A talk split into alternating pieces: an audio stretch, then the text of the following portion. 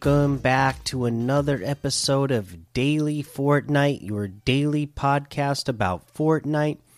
I'm your host, Mikey, aka Mike Daddy, aka Magnificent Mikey. Today, the first thing I want to remind you and let you know that, you know, the FNCS Grand Royale finals are going on this weekend, so make sure you tune into those and uh, watch some fun competition. Uh, let's see here.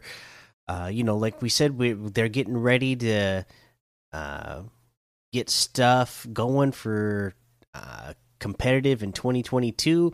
Uh, so you're not going to want to miss out the the closing to competitive for uh, 2021 here. The other piece of news that we have today, we're finally going to get to the creative uh, update that came out earlier this week. And let's get to this blog post so we know what happened in the creative. Fortnite Creative version 18.40 update, new accolade device, and matchmaking changes. The version 18.40 update brings several device updates, new front end changes, matchmaking changes, and the new accolade device.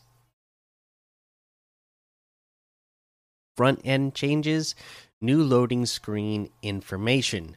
Another new change in 18.40 is to the loading screen, where the creator name, island name, and the three information bullet points specify, specified in the My Island settings will be displayed while a player is loading into an experience. This is an opportunity to give players important information about your experience before they get there. So think carefully about what you want those information bullets to say to get maximum value out of them. Update matchmaking portal change. Matchmaking portals will now require the creator to use the version number when linking to an island code of an island that has not gone through the creator submission process. The portals will work as they do now if the submitted island has been approved by that process. The matchmaking portal will allow players to enter the latest approved version of that island code. This prevents islands that have been reviewed to link to unreviewed islands. If the version number is not entered and the island code has not yet been reviewed, an error message will be displayed. New accolade device. The accolade device allows creators to design achievements or accomplishment or accomplishments that players can complete to earn battle pass XP while playing your map. Creators will have several customization options to best fit the design of your experience, including accolade name, accolade type, target value, and triggers. For the accolade device to be active in your experience, it will need to go through collaboration. Oh, calibration. calibration is a process of measuring data for a newly released or recently updated game to ensure the accolade device provides the correct amount of Battle Pass XP. When a game is newly released or updated, there is an initial cal calibration period where data is being gathered before the system decides that there is a sufficient that there is sufficient data to drive the mechanics of the accolade device. The initial calibration comes in two phrases, two phases: data gathering, data analysis. During the initial calibration period, players can only earn playtime XP in your map. The system still keeps track of enabled accolades being triggered. Playtime XP is defined by Epic and is not related to the playtime accolades made available to creators. Playtime XP will be disabled after initial calibration is over.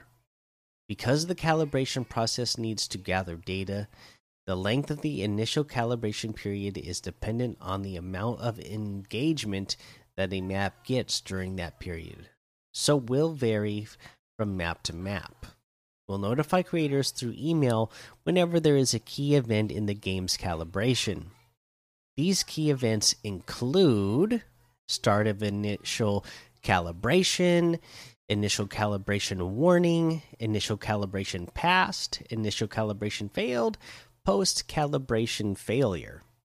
For further details on the Accolade device, visit the Fortnite Creative Documentation website. In addition to the creative documentation, we hosted a Q&A in our Fortnite Creative Discord that you can view answers to questions other creators had.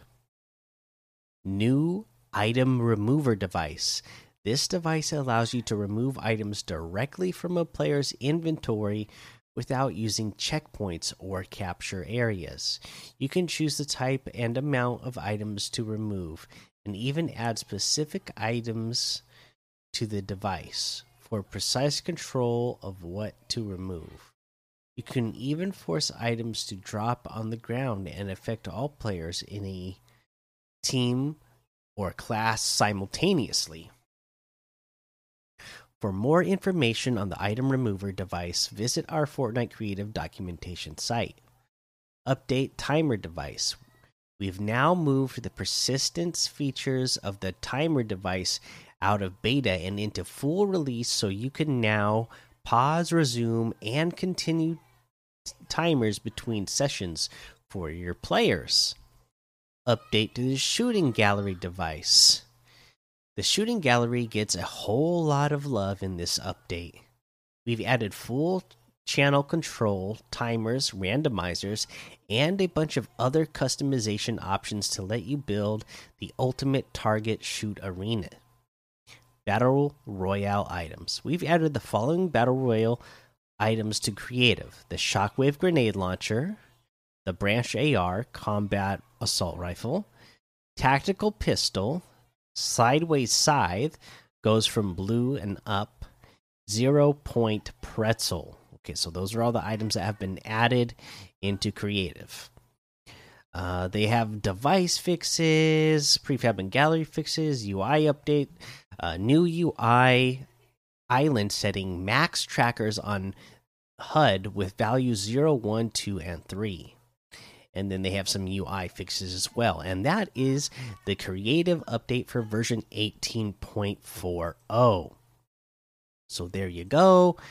Uh, like I said, they're making a little bit of changes on uh, how you're getting some XP from creative, but it honestly doesn't sound like it's that bad. So, you know, I'm pretty happy with what they came up with with the changes there. Uh, now let's go ahead and take a look at what it is that we have going on in the LTMs today. Uh, of course, the Hidden Leaf Village Adventure is here. Uh, Close Encounters, Party Royale, Horde Rush, uh, Bogey Zombies, Uptown Road Rush. We got things like, let's keep going and I'll stop on a random one. Make New Friends section has for Tomo by Cold, Pandville Hub Creative Phil, Fortnite Fashion Week, Fashion Show Ultimate, PvP Realistic Lava, the Elevation Duos, Duo Build Fight XP. Uh, let's see here. We got something maybe like Hall City Roleplay, um, Paradise City Roleplay, Pro Red versus Blue Bounty, uh, Castle Capture the Flag, and a whole lot more to be discovered in that Discover tab. So make sure you check it out. Now, let's go ahead and take a look at what we have in the item shop today. Uh, we read a blog, post yesterday about one of the items that would be in here, so we know that's going to be here. Uh, but the Ghostbuster items we are all still here. The Naruto items, of course.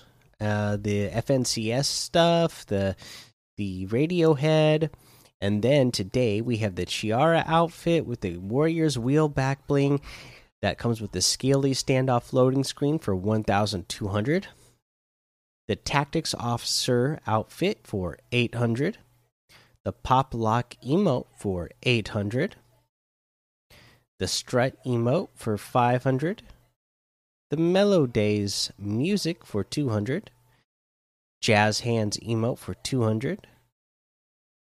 Uh, we have the Kyra outfit with the Impact Green backbling for 1200.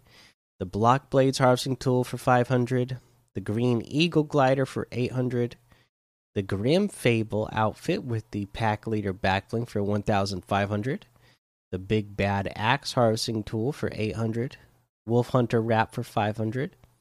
Hugo outfit with the Emissary bag back bling and the butterfly knife emote for 1200 the butterfly knives harvesting tool for 800 and then the Moncler classic bundle which has andre outfit ready for the slopes the renee outfit technical design tactical precision and the summit loading screen. The view is worth the climb. This bundle is 1800 uh, again, remember you get the selective styles for these characters. Uh, Andre has the reactive, uh, Chalet Andre, and just regular Andre. Uh, and then the Renee outfit has the reactive, Snow Stealth Renee, and just regular Renee. So there you go. There's that.